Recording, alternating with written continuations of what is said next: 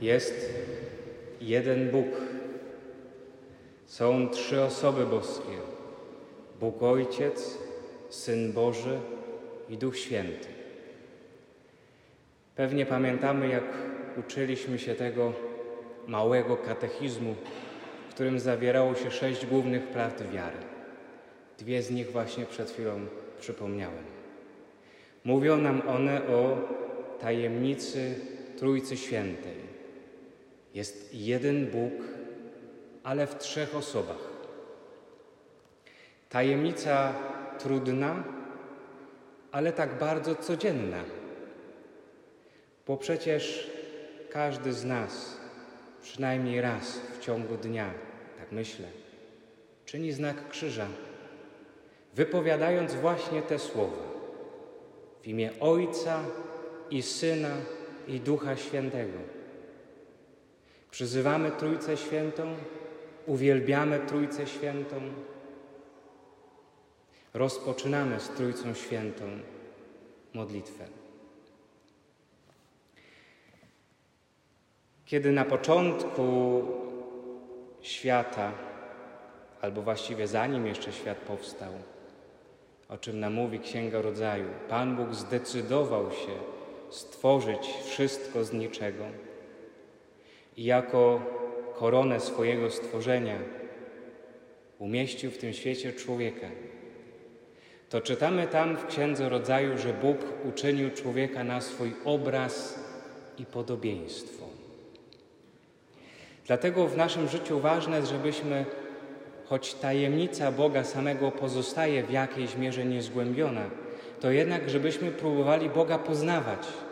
Bo jeśli jesteśmy stworzeni na Jego obraz i podobieństwo, to żebyśmy siebie dobrze zrozumieli, musimy próbować zrozumieć i poznać Boga, kim jest i jak funkcjonuje, jak myśli, jak działa. Chciałbym, żeby z tej dzisiejszej uroczystości Trójcy Świętej, żebyśmy wzięli dla siebie dwie rzeczy, dwa zadania. Po pierwsze, będziemy się modlić za chwilę w prefacją, że wielbimy Boga w odrębności osób, jedności w majestacie i równości, jedności w istocie i równości w majestacie. Wielbimy odrębność osób. Bo choć Bóg jest jeden w swej naturze, to jednak zechciał nam się objawić w trzech osobach: Ojciec, Syn i Duch. Trzy różne, odrębne osoby. I każda z nich jest wyjątkowa, ma wyjątkowe zadanie, wyjątkową misję. Z tego możemy wyciągnąć wniosek taki, że na podobieństwo tej wyjątkowości i odrębności osób Bóg stworzył również człowieka jako odrębnego od innych i wyjątkowego. Zobaczcie, nie ma drugiego takiego człowieka jak ja, jak każdy z Was.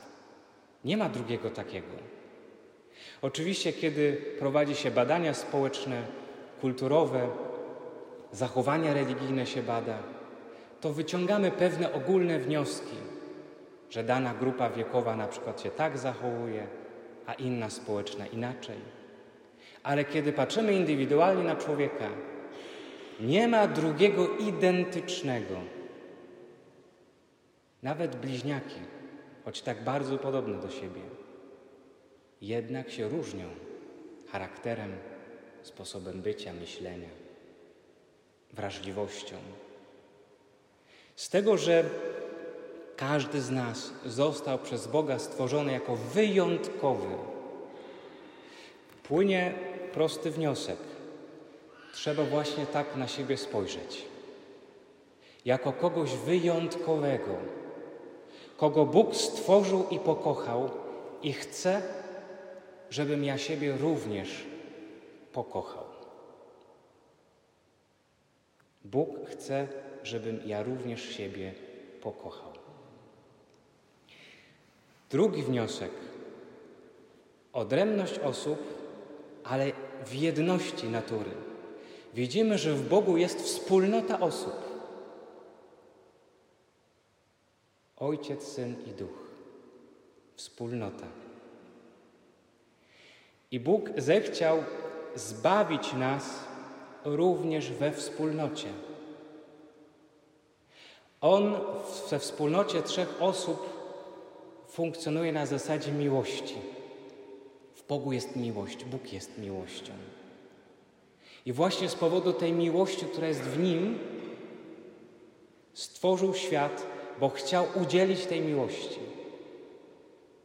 I tworzy od początku człowieka do wspólnoty.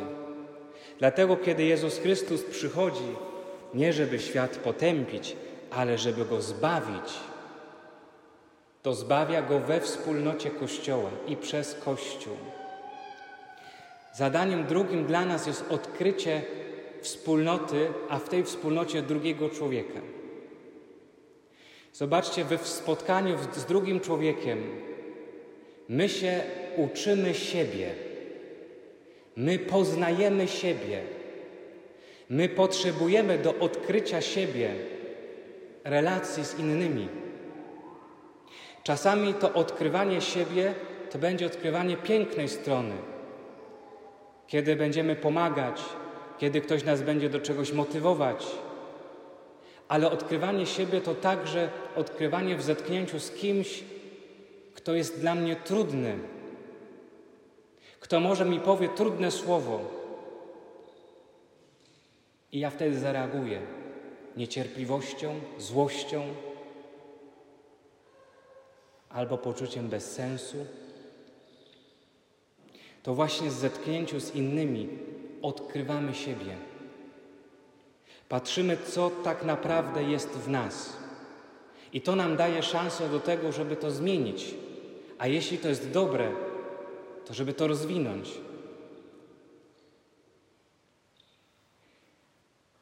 Jeśli mielibyśmy wyciągnąć jakieś dwa zadania na ten tydzień dla nas z tej uroczystości,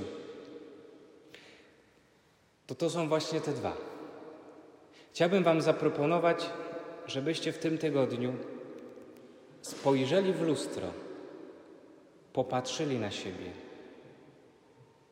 postali tak przez chwilę, zobaczyli tam w sobie wszystko to, co jest piękne i fizycznie, i duchowo, i moralnie, ale także, żebyście dostrzegli to, co jest tam trudne, brzydkie i czego nie umiecie zaakceptować. Patrząc w lustro, powiedzcie do siebie po imieniu: Kocham Cię. Kocham Cię właśnie takiego, bo Bóg tak do nas mówi. Żebyśmy my potrafili Jego pokochać, musimy umieć także pokochać siebie, takim jakim jesteśmy, z naszymi zaletami, ale też i wadami. A druga, drugie zadanie, spróbujcie się poprzyglądać w ciągu tygodnia, kiedy będziecie spotykać różnych ludzi. jedni może Was te spotkania będą radować, umacniać, budować, napełniać nadzieją, ale inne pewnie będą przygniatać, może nawet i poniżać. Spróbujcie się poprzyglądać, co to mówi wszystko o Was. Co z tego można wyciągnąć? Jakie wnioski? Czego uczy mnie spotkanie z drugim człowiekiem? I czy potrafię pokochać drugiego człowieka? To są bardzo trudne zadania. To nie jest wcale łatwe ani pokochać siebie, ani pokochać drugiego. Dlatego chciałbym, żeby nam towarzyszyły słowa z dzisiejszej Ewangelii, ale żebyśmy je przypominali sobie i mówili w pierwszej osobie. Tak Bóg umiłował mnie, że syna swego jednorodzonego dał, aby każdy, abym ja, który w niego wierzy, nie zginął, ale miał życie wieczne. Albowiem Bóg nie posłał swego syna po to, aby mnie potępił, ale po to, bym został przez niego zbawiony. Tak Bóg umiłował mnie. A kiedy już wypełnicie te zadania, to uwielbijcie Trójcę Świętą i proście Boga w Trójcy Jedynego, żeby pomógł Wam z tego wszystkiego wyciągnąć dobre wnioski. Bo odkrywanie prawdy o sobie nie służy temu, żeby się jeszcze zdołować, ale służy temu, żeby znaleźć punkt początkowy do zmiany.